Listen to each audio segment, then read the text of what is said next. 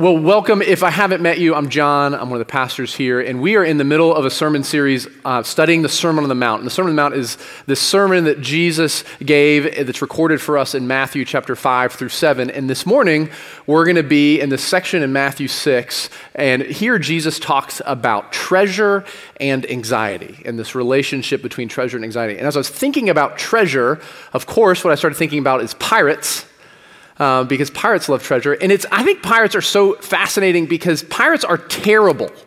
Like they're absolutely terrible. And yet, they're also some of the, the resource for some of the best dad jokes.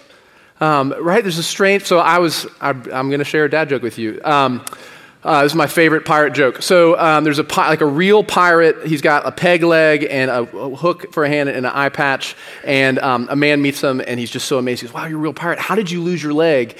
And the pirate says, "Arr, shark bit it off." My pirate accent's really good. I know. Um, and then he said, "Well, how did you how did you lose your hand?" He goes, "Arr, I lost it in a duel." He goes, "Oh, well, how did you lose your eye?" He goes, "Oh, a bird dropped something on it." And he's like that's not really, how did, how did, that doesn't make any sense. He goes, oh, it was the first day with me hook. All right, I don't know how to transition to this what I'm saying next. I just wanted to tell that pirate joke. Um, but so thinking about treasure and thinking about anxiety and the reality, just the present reality that anxiety is for us as a culture and the world. Um, the, uh, 2015, there was a, a, a, song that was recorded that was the first rock song to hit a billion streams um, on Spotify. And it's a song by the band 21 Pilots. The song's called Stressed Out. And the video for this song is fascinating. It shows the lead singer, he's in his 20s, and he's in his childhood suburban neighborhood, and he's riding his childhood big, big wheel, and he's drinking a Capri Sun. And he's wearing his stage makeup. And his stage makeup, um, what he does is he takes uh, like black makeup and he rubs it on his hands and then he rubs it on his neck. So it just looks like he has this turtleneck tat, like this, this neck tattoo of this black ink up to his neck and on his hands. And in an interview, he's asked about it and he says that this stage makeup represents his insecurity. Um, that he, his insecurity makes him feel like he's suffocating. And this, this, this song and the video is this stark meditation on growing up today and leaving the security and the innocence of childhood only to enter into the insecurity and stress of adulthood. And one of the lines of the song, he says, I was told when I got older all my fears would shrink, but now I'm insecure and I care what people think. And then the chorus is, I wish we could turn back time to the good old days when mama sang us to sleep, but now we're stressed out. This song won a Grammy was certified diamond by selling 10 million copies, and it reached top five in many countries around the world. And it hit a nerve. We're all anxious, and the only escape we can imagine is in the past, the good old days, because our lives and our future, as we imagine them, they stress us out. Um, I asked a friend this week about her experience with anxiety and she says that she sends out a weekly text on mondays to her like her core people asking for prayer requests and she said without fail 80% of, the requests are about anxiety. Mostly relational anxiety amongst her peers and people older than her. And with those younger than her, she said it seems to be about job and housing and purpose. Like this question what am I supposed to be doing with my life? Am I, my life? Am I worthy of it? Am I supposed to be doing that? Is, it seems to be the root of this. And so, what we're going to see as we look at Matthew 6 this morning, we see that Jesus is addressing our anxiety and addressing um, the, our treasure. And so, as we look at this um, outline for this morning, first, what is anxiety? Second, why do we experience it? And third, um, how does Jesus provide a, a, way through our anxiety? So, I want to invite you now to stand for the reading of God's word. We're going to be reading Matthew uh, chapter 6, verses 19 through 34. This is God's word for us this morning. It is trustworthy and true, and He gives it to us in love. Do not lay up for yourselves treasures on earth where moth and rust destroy and where thieves break in and steal. But lay up for yourselves treasure in heaven, where neither moth nor rust destroys and where the thieves do not break in and steal. For where your treasure is, there your heart will be also. The eye is the lamp of the body, so if your eye is healthy, your whole body will be full of light. But if your eye is bad, your whole body will be full of darkness. If then the light in you is darkness, how great is the darkness? No one can serve two masters, for either you will hate one and love the other, or he'll be devoted to the one and despise the other. You cannot serve God and money. Therefore, I tell you, do not be anxious about your life, what you will eat or what you will drink, nor about your body, what you will put on. Is not life more than food and the body more than clothing? Look at the birds of the air. They neither sow nor reap nor gather into barns, and yet your heavenly Father feeds them. Are you not of more value than they? And which of you, by being anxious, can add a single hour to the span of his life? And why are you anxious about clothing? Consider the lilies of the field, how they grow. They neither toil nor spin. Yet I tell you, even Solomon in all his glory was not arrayed like one of these. But if God so clothes the grass of the field, which today is alive and tomorrow is thrown into the oven, will he not much more clothe you, O you of little faith? Therefore, do not be anxious, saying, What will we eat, or what shall we drink, or what shall we wear? For the Gentiles seek after these things, and your heavenly Father knows that you need them. But seek first the kingdom of God and his righteousness, and all these things will be added to you. Therefore, do not be anxious about tomorrow, for tomorrow will be anxious for itself. Sufficient for the day is its own trouble. This is the word of God for the people of God. Thanks be to God. You may be seated. Let's pray. Father in heaven, thank you that you are with us by your Spirit. And we ask now, would you attend to the preaching of your word? Would you speak to us, speak deep to our souls what we need to hear? I invite you now to take a moment to pray for yourself, to prepare your heart to receive from the Lord.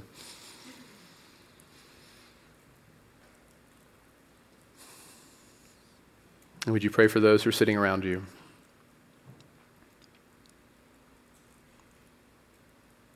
And would you pray for me?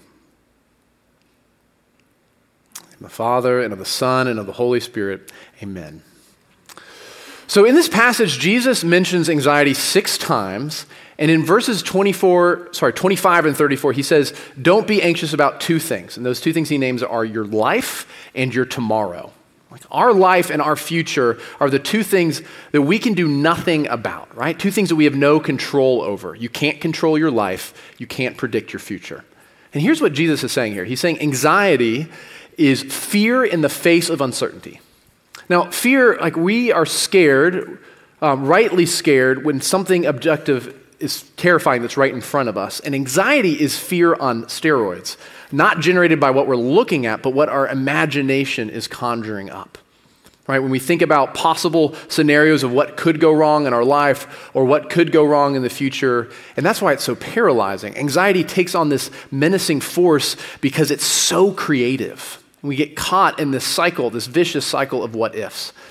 19th century psychologist William James wrote, he said, I woke up morning after morning with horrible dread at the pit of my stomach and a sense of the insecurity of life fear in the face of uncertainty, fear fueled by insecurity. W.H. Auden, in his Pulitzer Prize winning poem from 1948, The Age of Anxiety, he wrote this. He said, The wolves will get you if the moths won't. So we feel this. We feel anxiety when we perceive a, a threat to something that we love or something that we want.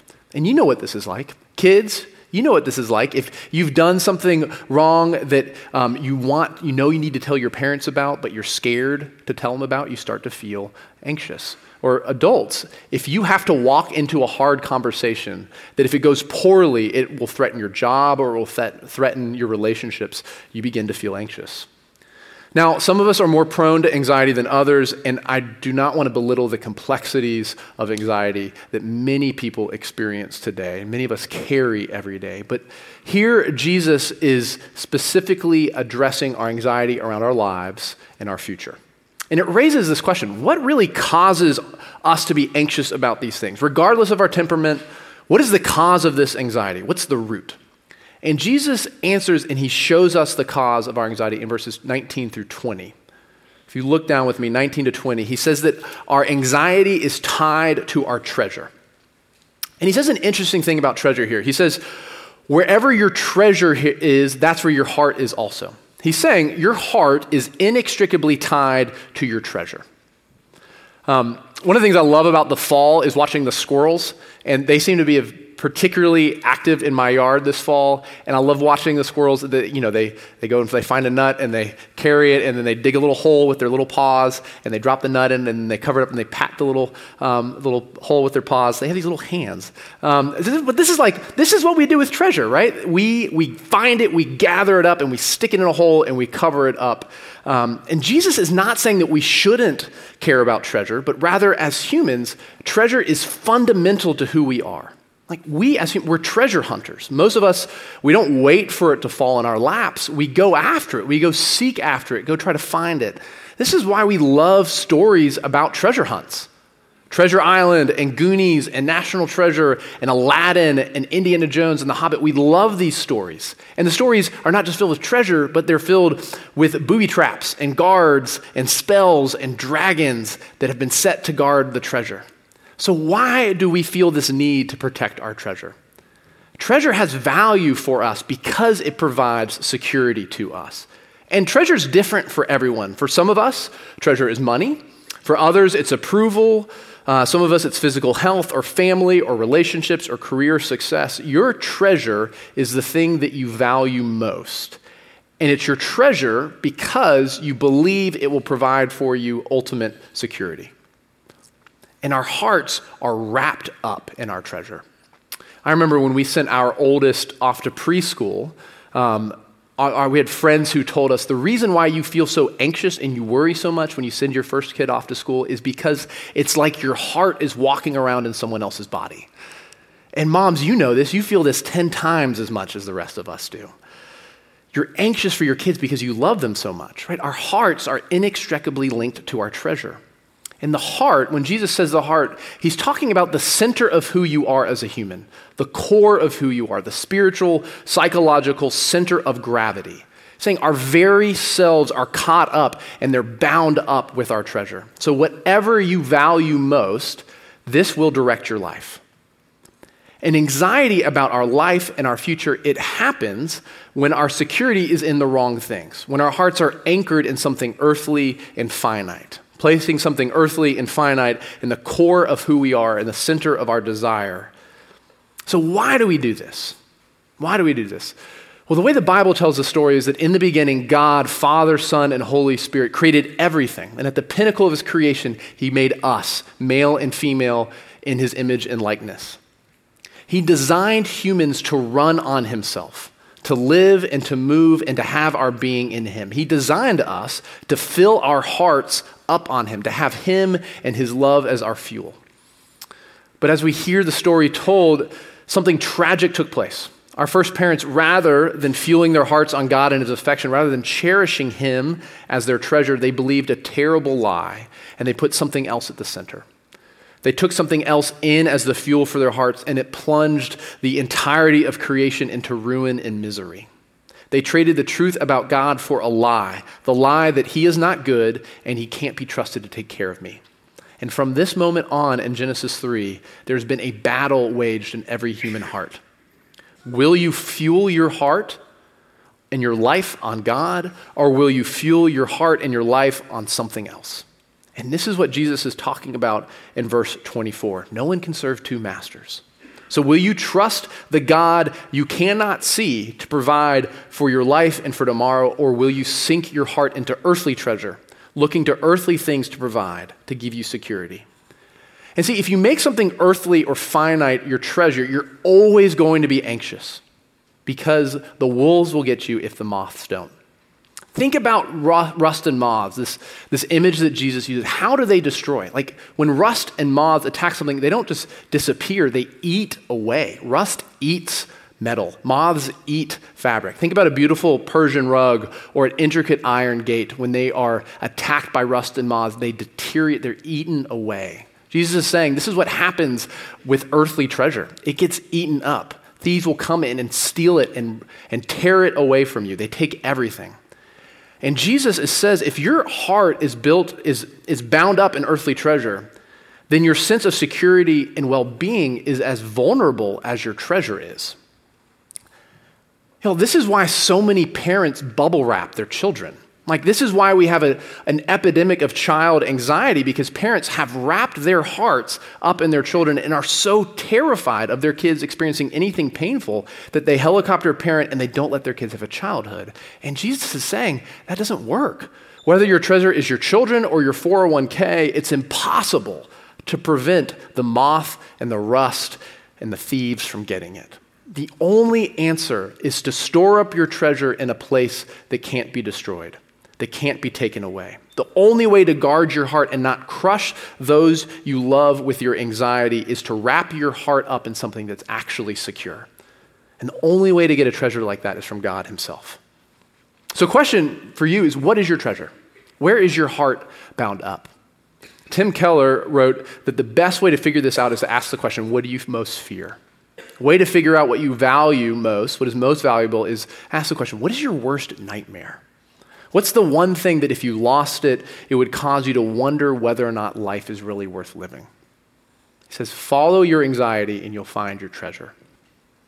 And Jesus is saying that we need to identify what, is, what it is that we most treasure because if we don't want anxiety to have the final word on our lives, we need to treasure the right things. See, God has placed eternity into our hearts. We have souls that will live forever. Our time on this earth and life is short, and anxiety is just the fumes of your heart running on the wrong fuel. And here, Jesus gives us a way through our anxiety. He says, Don't be anxious. You need to move through your anxiety. Don't be anxious. Redirect your treasure. Lay up for yourself treasures in heaven. So, how do we do that? Verse 33, Jesus says, Seek first the kingdom of God. So, notice he doesn't tell you to get control of your desire as if you want things too much. He doesn't tell us to stop the treasure hunt. He said there's something about treasures. We need them. Right? True treasure gives us the security that we need to live and to live well. And Jesus is saying, Your desires for riches and wealth, it's not too strong, it's too weak. You're not looking hard enough. What we need, Jesus is saying, is we need to become more intensely committed to finding treasure, to finding riches and wealth that give the security that we desperately need. In another place, Jesus tells a parable about the kingdom of God. And he says, The kingdom of God is like a man who discovers a field that has treasure buried in it. And in his joy, he goes and sells all that he has in order to buy that field. So, what is it that Jesus alone can offer us in the kingdom of God that is better and more valuable and ultimately more secure than anything that we could find on our own in this earth? What does he have for you that is more secure than Jeff Bezos' fortune? Or more valuable than the greatest marriage or the healthiest family, or better than the college acceptance letter to your, your top choice, or a spot on the varsity team, or a secure spot in the right friend group. See, what Jesus offers in the kingdom of God, the reason he tells us to seek the kingdom is because it's only in the kingdom of God that you can have God as your father. And having God as your father is the only thing that gives you the security that you long for and crave. At the beginning of Ernest Hemingway's short story, The Capital of the World, there's this short and incredible aside. And he tells a story of a father coming to Madrid searching for his estranged son, Paco. But he turns up empty. He can't find his son. And in this act of desperation, this sad and lonely man, he places a short ad in the city newspaper. And in it, he says, Paco, meet me at the Hotel Montana at 12 noon Tuesday. All is forgiven, Papa. And when the father arrives at the hotel at the appointed time, he cannot believe his eyes because a crowd of 800 young men, all named Paco, await his arrival. Every one of them anxious for a restored relationship with their father. If the sovereign Lord of the universe is your father, the one who has all of the power and all of the wealth in the world, then it doesn't matter what your circumstances are or if they change, because his love and his care for you is never going to change. It will never rust. It won't be destroyed. It can't be snatched away. If he has adopted you into his forever family, you can never be disowned. See, the most foundational, most foundational thing about God is not some abstract quality, but the fact that he is a father. Jesus directs our attention here to how our Heavenly Father cares for the birds and the flowers. And he actually commands us to study the birds, to pay attention to how they live. So, why, why does he do this? Because he wants us to see what it looks like to live with a secure trust in the Father's goodness. Something we miss here in our English translations is that this word for sky that Jesus uses when he says the birds in the sky is the same word that Jesus uses for heaven. So he uses this word three times here. First, heaven is the place where we are to store our treasure. Second, heaven is where the birds live. And third, heaven is where your Father is. So what is he saying? So, Jesus, by making this connection, he's saying, look at the birds, study them, When you know God is your Father, when that truth gets deep down into your heart like a stick of dynamite and the dam breaks and God's love floods your entire being, you'll be like the birds. One commentator writes this. He says, To abandon myself to his love would constitute the supreme act of my freedom, for it would be nothing less than soaring in the heaven of his providence, a life of permanent flight and celebration of the sheer beauty of space. The bird, which in its airborne existence is the universal symbol of freedom from constraint and care, is here made by Jesus to be the privileged symbol of living in the security of the Father's delight. Jesus is saying is that if you have the God of the universe as your Father, and He's your treasure, and your heart is running on Him and His love is your fuel, then you'll be free as a bird. So when anxiety is hunting you, when you feel that freight train of worry pounding in your chest, Jesus is saying, Where is your faith? Pull it out and apply it to your situation. So whether it's that you just lost your job, or your children are not speaking to you, or you're terrified that you just shipwrecked your marriage, or you're kept up at night because of the fears of where the world is heading, or you just plain take yourself too seriously, Jesus is saying, Don't be anxious. Store up your treasure in heaven. Seek first the kingdom of God and his righteousness, because there you have a Father who delights in you. So, so, what does it look like to do this? What does it look like to live with your treasure in heaven? Look at Jesus. The night before his death, he's in the Garden of Gethsemane. He's about to face his death on the cross. He is full of sorrow and full of fear, horrified at what is presented to him, and he prays. He prays that the cup of God's wrath might be removed from his hands. He's so overwhelmed and distraught that his sweat actually becomes drops of blood. He's in the midst of acute anxiety, dealing with fear in the face of unspeakable pain and loss, and it almost crushed him. And he prayed that even in the midst of this fear, that God would enable him to escape the cross. And yet, with the same breath, he doesn't run away. But he entrusts himself to God and he says, Not my will, but thy will be done. And he gets up and he walks to the cross. He doesn't get up and he walks away. He gets up and he walks to the cross. He takes a step towards the cross. And this is why Hebrews tells us that Jesus is the author and the perfecter of our faith because Jesus pulled out faith and he applied it to his life in the midst of this crushing situation he was dealing with. He endured the cross because of the joy set before him. So, what was awaiting Jesus on the other side of the cross? What would enable him to endure not just the pain, but the shame and anxiety of the cross? What was that joy? Friends, the joy was you a renewed, reconciled, restored relationship with you. You were his treasure. You are his treasure. You are his treasured possession. It was the thought of you that enabled him to go to the cross, to endure the cross, enabled him to hold on. And even now, when he thinks of you, you are more precious to him than all the gold and treasure and wealth in the earth. You are his treasure. You are what he delights in. He said through the prophet Isaiah, You are precious and honored in my sight. I love you. Jesus is so passionate about you as his treasure that he will go to any length to protect you. There is nothing that will snatch his treasure out of his hands.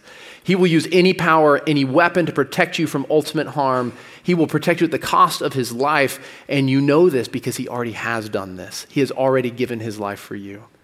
And it's when you know yourself as Jesus' treasure that you can learn to put your full security in the Father and make him your treasure. That you really don't need to fear or be anxious or be worried about life will throw at you because nothing can snatch you out of his hands. I heard a story this week, or read a story week, this week about a family that had two sons um, named James and Michael. And uh, James is a biological son, and Michael is adopted son. And so these parents were wrestling with how do we tell our son Michael that he's adopted? And so they sit Michael down when he's a, when he's a, a young boy, and they say, Michael, um, James is our biological son, and you're our adopted son. And this is what this means. This means that we wanted you to have, we wanted to have you as our child. So we prayed for you, and then we went looking for you. And when we found you, we went and got you, and we brought you home because we want you to experience the love of this family. We want you to be the recipient of our affection and our love and our care. We want you to have our last name and to know our love as your parents. Um, and Michael looks at his parents and says, That's what it means to be adopted, and James is not adopted. Well, can we adopt James? Friends, that's the beauty of what Jesus has done for us, that through his work on our behalf, he has made his Father our Father. He has given us his name. He has brought us into his family because he delights to make us his own, and you cannot be snatched out of his hand. Let's pray. Father, we thank you for this good news of your fatherly care and affection, and we thank you for securing your people as your own through the life and death and resurrection of your Son, Jesus Christ. Thank you that you have made us co heirs with Christ. Lord, the wonder of this gospel that we cannot grasp or comprehend, but is true, as true as the empty tomb. Lord, help us to believe. Help us to live as your children, like the birds and the lilies. Lord, knowing that we belong to you in body and soul. We love you and we thank you that you love us first. We pray in Jesus' name. Amen.